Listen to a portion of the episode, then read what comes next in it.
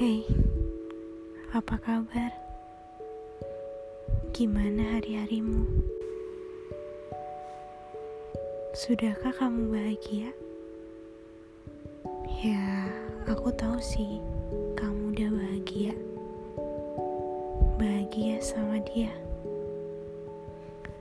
Dan aku sangat benci itu. Jujur aja.